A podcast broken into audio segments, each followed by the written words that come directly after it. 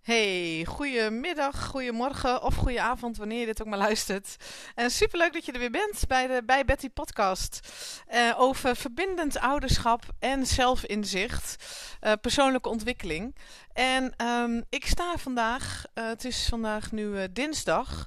En terwijl ik dit inspreek, sta ik even de was op te hangen. Want ik dacht, ja, waarom niet? Ik moet de was nog ophangen en ik moet nog een podcast opnemen. Waarom kan ik dat niet combineren?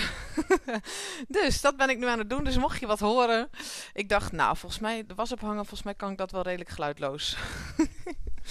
Ehm, en ik wil het vandaag eens even met je hebben over een stukje zelfinzicht. Want dat is natuurlijk ook eh, waar deze podcast over gaat. En eh, ik had namelijk vanochtend een hele mooie sessie en daar hebben we wat dingen in besproken waarvan ik dacht, ja, dat is misschien ook wel fijn om in de podcast te vertellen. Ehm, wij gingen namelijk vanochtend in de sessie een visualisatie doen. En dat heb je me misschien eh, heb je dat wel eens voorbij zien komen op mijn eh, Instagram. En ik heb daar volgens mij in de podcast nog niet zoveel over verteld. Maar het is wel iets wat ik heel erg veel inzet. Eigenlijk in elk traject ehm, zet ik visualisaties in. En dat doe ik met een bepaalde reden. En daar wil ik je vandaag graag wat meer over vertellen. Want wat ik heel erg merk. ehm, in onze maatschappij, gewoon hoe we met elkaar omgaan, is eh, dat we heel erg altijd geneigd zijn om overal over te praten. Hè? Als, je, als er iets gebeurt, als er iets eh, heftigs gebeurt, iets naars, iets wat je raakt, dan zijn we geneigd, als we iets doen, zijn we geneigd om erover te praten. Wat natuurlijk ook top is. Ik bedoel, dat hoort bij je verwerkingsproces. Maar we zijn ook heel erg pijnvermijdend als mens iedereen, van ieder van ons. En we vinden het heel erg moeilijk om de emoties te voelen die bij die ervaring, bij die gebeurtenis horen. Want ja, het is natuurlijk hartstikke rot. Ik wilde een ander woord zeggen, maar ik blijf bij rot. um, om uh, nare emoties te voelen, om verdriet te voelen, om gekwetstheid te voelen, om boosheid te voelen, om pijn te voelen, uh, emotioneel of fysiek. We willen gewoon weg van pijn. Dat is nou eenmaal hoe we bedraad zijn. En dat betekent dus dat wij ja, heel vaak dingen wegstoppen. Dat we er wel over praten, maar dat we niet echt voelen. We willen het niet zo graag voelen. En natuurlijk, als je ergens over praat, dan word je ook wel eens emotioneel natuurlijk. En dan voel je ook wel wat. Maar helemaal als je er met iemand over praat, een vriendin of je partner of zo, dan zijn we natuurlijk ook geneigd om dan dat een beetje zo, ah ja, nou sorry hoor, ja, oh, nou, en dan gewoon er een beetje zo snel mogelijk overheen te praten, die tranen weg te vegen en je wilt je niet, uh, ja, je wilt je misschien ook niet laten kennen, je wilt je niet kwetsbaar opstellen of je wilt een ander niet tot last zijn, dus ja, zo snel mogelijk die emoties weer wegdoen, proberen weg te krijgen. En weer verder praten. Of stoppen met praten, dat kan natuurlijk ook. Dat, maar um, ja, wat er dan gebeurt, is dat die emoties dus niet echt gevoeld worden. En ja, ik geloof heel erg, en ik zie dat ook in mijn praktijk en in alle trainingen en cursussen en opleidingen die ik onderhand gedaan heb of waar ik mee bezig ben, um, komt dat ook steeds weer naar voren. En ik zie het ook gewoon en ik voel het ook bij mezelf. Um, emoties die niet doorvoeld, die niet doorvoeld zijn, die slaan we op in ons lichaam. Ergens. Nou, ik had vorige week een klant en die zei van... Ja, ik, ik merk gewoon zo'n beklemmend gevoel op mijn borst. Ik, ja, ik kan gewoon niet goed ademen, heb ik het idee. En ja, die, oh, het voelt zo... En ik heb ook veel klanten die last hebben van hun buik bijvoorbeeld. Uh, en nou zeg ik niet dat alle uh, fysieke klachten gerelateerd zijn aan emotionele klachten. Ik bedoel, je kunt ook gewoon iets hebben. Um, maar ik denk wel dat de uh, emotionele gebeurtenissen die wij niet echt helemaal doorvoelen, dat we die kunnen opslaan in ons lichaam. En die gaan ons dan eraan herinneren: hey, hallo, je moet dit nog even voelen. Um, en dat is, dat is gewoon lastig en onhandig. En op een gegeven moment gaat het je gewoon in de weg zitten. En um, het is heus niet zo dat alles gelijk een hele heftige uh, fysieke klacht wordt of zo. Maar ja, nou ja, ik, ik zie in mijn praktijk gewoon mensen die niet lekker in hun vel zitten. Ja, die hebben ook vaak last van fysieke dingen. En heel vaak, als ik doorvraag, dan komen we ook wel op Nou, als je nou daaraan denkt, of als je, daar, hè, als je jezelf eens terugbrengt in die situatie, waar voel je dat dan in je lichaam? Nou, dan is er altijd wel een plek die aangewezen kan worden. Dus ja, ik denk gewoon dat dat heel vaak zo is. En ehm, eigenlijk, het doorvoelen van emoties hoeft helemaal niet zo heftig en ingewikkeld te zijn als wij denken. Want een emotie, een oprechte in het moment emotie, duurt vaak helemaal niet zo heel erg lang. Als je een emotie echt doorvoelt, ja.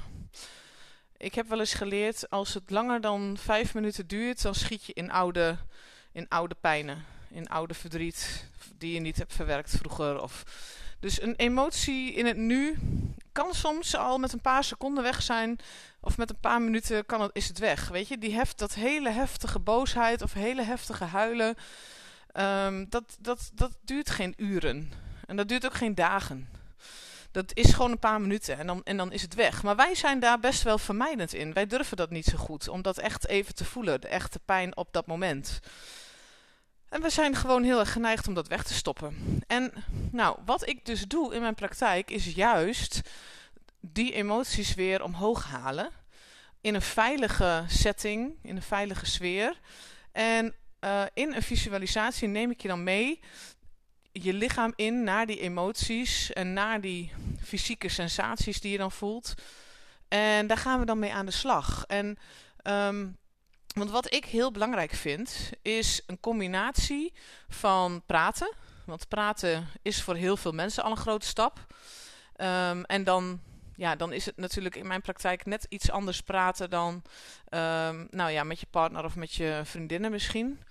Want ja, ik, ga het, ik, ik stel je vragen. Ik begin ook niet over mezelf. Ja, soms wel eens om een voorbeeld te geven of zo. Maar het gaat helemaal om jou, weet je wel. Dus je hoeft je niet druk te maken om wat een ander vindt of wat een ander denkt. Of, of dat een ander ook nog aan het woord moet komen en zo. Dus in mijn praktijk is de eerste stap is natuurlijk sowieso praten.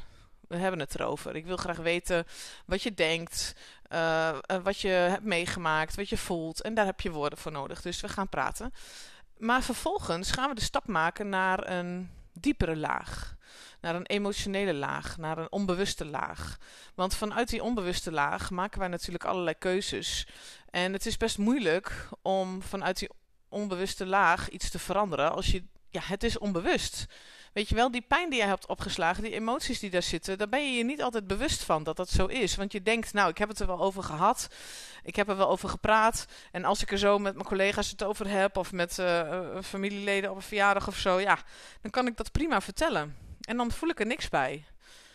Alleen wat wij doen is, wij praten dan vanuit ons hoofd. En onze gevoelens zitten vaak in onze buik. En ja, dat hebben we dan gewoon van elkaar losgekoppeld. Want je wil niet voelen wat daar zit. Want dan moet je misschien huilen, of dan word je misschien gefrustreerd, of dan word je misschien boos. Dus je snijdt dat als het ware af, of je, ja, je zet dat dicht en je gaat vanuit je hoofd ga je praten. Nou, dat, dat is prima, dat is geen probleem. En dat is in sommige situaties gewoon ook top. Um, en dat hoofd, dat is ook super handig. Uh, dus daar, daar zijn wij allemaal heel blij mee met het hoofd. Alleen, um, het is soms ook wel eens heel erg nuttig om wel eens even te voelen wat er, wat er zit, zodat je daar weer ruimte kunt maken en zodat dat, um, die oude dingen opgeruimd kunnen worden. Uh, zodat er weer ruimte is voor nieuwe dingen en veel meer ruimte voor wat je nu voelt en niet het oude wat steeds omhoog komt. Onbewust, want dat, dat weet je niet altijd. Maar daar help ik je dan natuurlijk mee om dat uit te zoeken. Um, en in die visualisatie, dus als we eerst hebben gepraat, gaan we vervolgens in die visualisatie gaan we daarmee aan de slag. En dan maken we contact met die onbewuste laag. En uh, ja, visualisaties zijn gewoon heel moeilijk uit te leggen. Want uh, de meeste klanten die ik hier heb, die doen zoiets ook voor het eerst. Die hebben er vaak geen ervaring mee. Dus als ik dan daarna vraag van, nou, hoe was het voor je? Wat vond je ervan? Ja, dan vinden ze het ook vaak gewoon heel moeilijk om de woorden aan te geven. Omdat het gewoon iets is wat je nog nooit eerder hebt gedaan. En het is best wel intensief. Uh, want wat we doen is we gaan die oude shit opruimen. Wat betekent dat je het wel eerst moet voelen en moet aankijken. Maar het fijne van zo'n visualisatie is dat we het dus ook direct opruimen. Dus dat je niet zeg maar erin zakt en vervolgens stuur ik je naar huis. Weet je, dat gebeurt niet. Want ik had hier um, een paar weken geleden ook een klant met haar laatste sessie uh, van een traject van vijf. En zij zei ook van ja, eh, het onderwerp waar we het over hebben gehad is best wel een zwaar onderwerp, maar het traject voelde helemaal niet zwaar. Want ja, tussen de sessies door merkte ik gewoon al best wel snel dat het beter ging. En ehm, ja, ik had helemaal niet het gevoel dat ik, dat ik helemaal in dat gevoel ben gezakt of zo. Nee, ik kon gewoon prima alles doen. En tijdens de sessies was het soms wel even zwaar om het erover te hebben, maar ja, het, het, uiteindelijk was het haar heel erg meegevallen. Want ze had een beetje verwacht. Van, ja, het is zo'n moeilijk onderwerp. En zo zwaar. Als ik daarover ga praten, dan zak ik in een, in een diepe put. En ik weet niet, kom ik er dan wel weer uit. Maar um, ik zorg er altijd voor dat dat niet gebeurt. Want het is namelijk niet altijd nodig om in die, diepte put in die diepe put te zakken. En daarin te blijven rond uh, kroelen, zeg maar. Kruipen. um, want zo'n visualisatie, dat is gewoon in één sessie doen we dat. En in die visualisatie voel je gewoon even de shit en de rottige dingen. En we gaan het vervolgens omzetten en opruimen en losmaken. Dus je gaat altijd opgeluchter naar huis. Je gaat altijd ruimer naar huis. Je gaat altijd met meer rust naar huis. Ondanks dat het uh, fysiek natuurlijk wel even pittig is. Kijk, in de energie, gaat super snel. Alleen onze lichamen gaan niet zo snel. Dus in je lichaam gebeurt er natuurlijk ook van alles. En in je energieveld gebeurt er van alles. En je lichaam loopt dan ietsje achter. Dus je kunt na zo'n visualisatie best wel heel erg moe zijn. Of hoofdpijn hebben. Of uh, nou ja, hè, dat, dat is gewoon de verwerking ervan. Omdat de energie dan al geshift is. En je lichaam kan dat niet zo snel bijbenen. Dat is niet erg. Dan, neem je gewoon, dan is het gewoon belangrijk om lekker even rust te nemen. En even goed voor jezelf te zorgen. Maar iedereen zegt na zo'n visualisatie van wow, ik, ik, ja, ik voel me echt meer opgelucht. Ik voel me echt rustiger. Ik, oh, ja. En dan zie ik mensen na twee weken weer. En dan uh, vaak is er dan best wel veel veranderd voor ze. En dat is ja, dat vind ik altijd super bijzonder. Dus um, ja, wat ik eigenlijk als punt wil maken in deze aflevering is um, dat ik het heel belangrijk vind uh, dat er een combinatie is tussen praten en voelen en je lijf.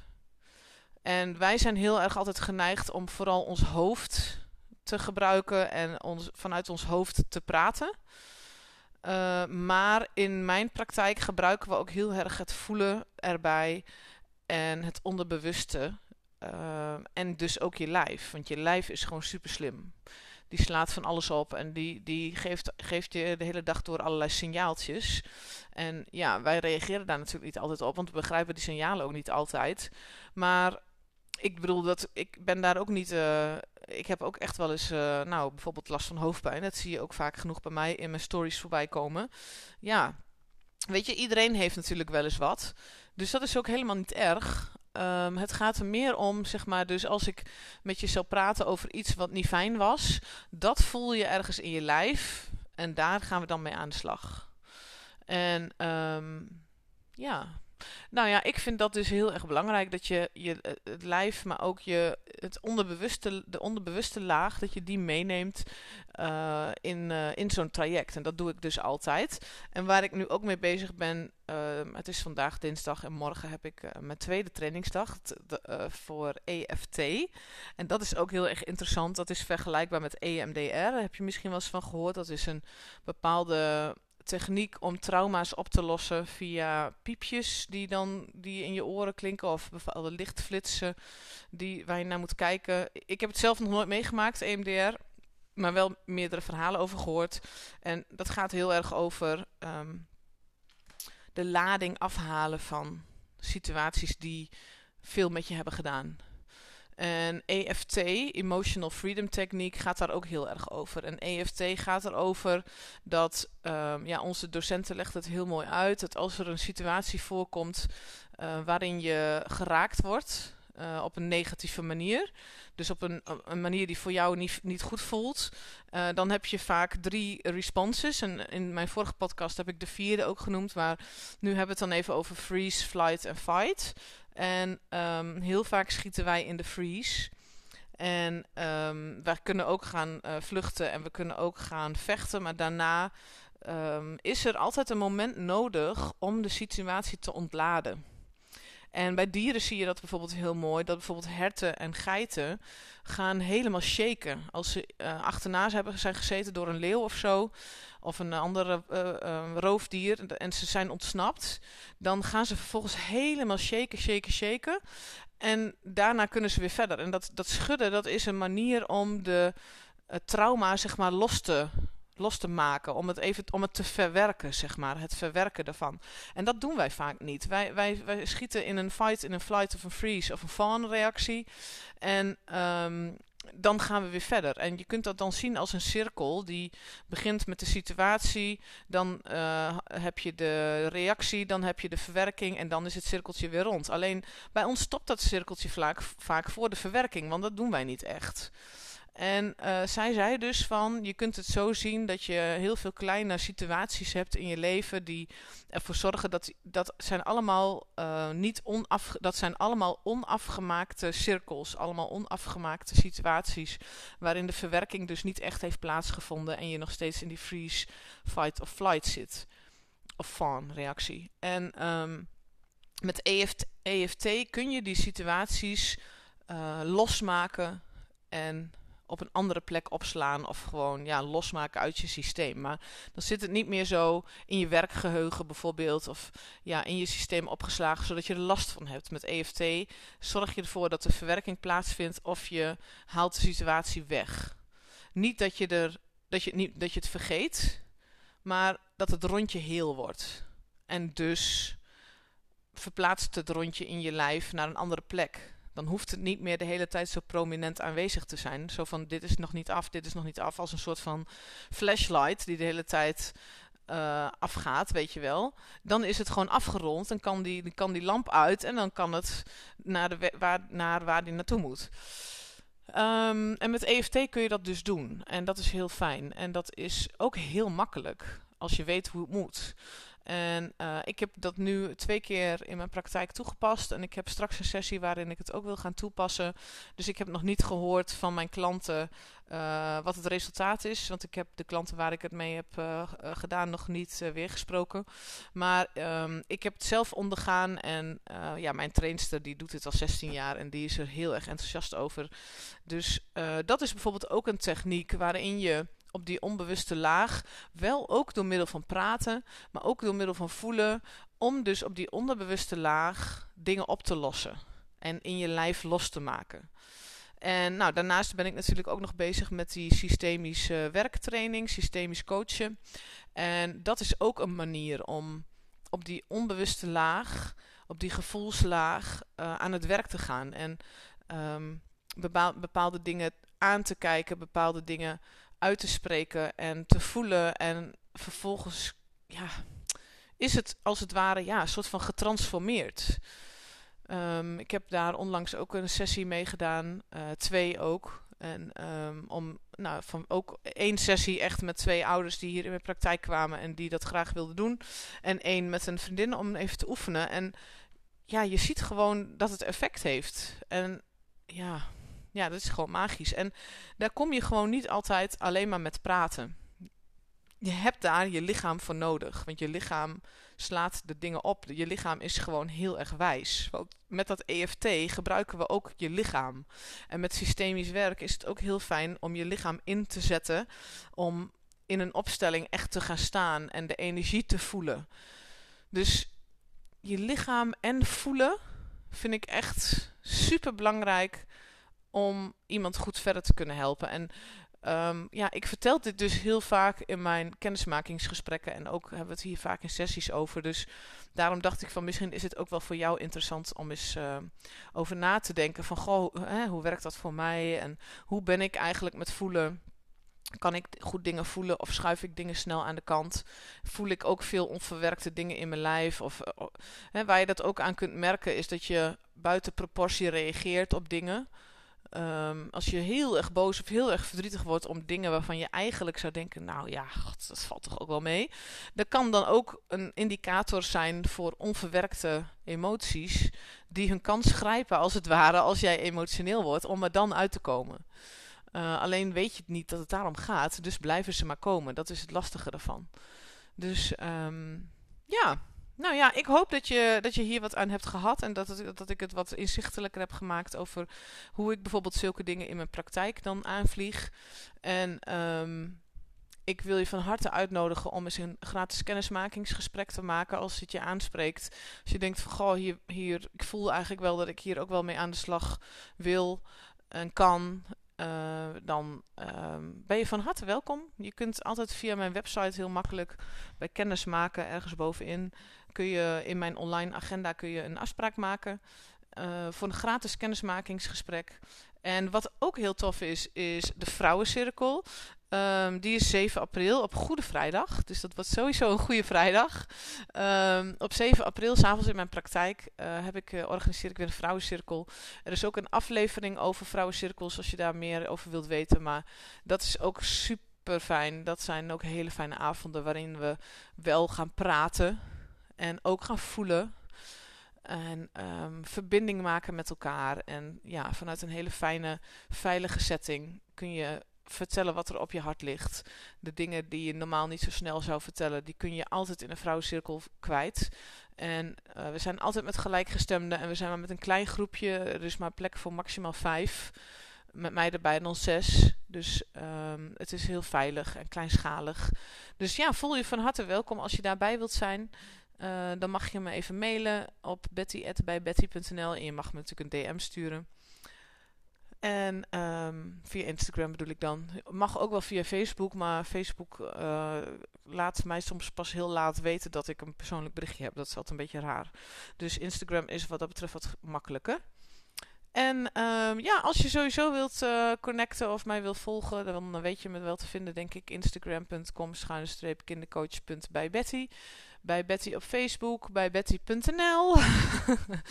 en uh, laat me vooral weten wat je van de podcast vindt, uh, van deze aflevering vond. En uh, tot de volgende keer. Hele fijne dag. dag.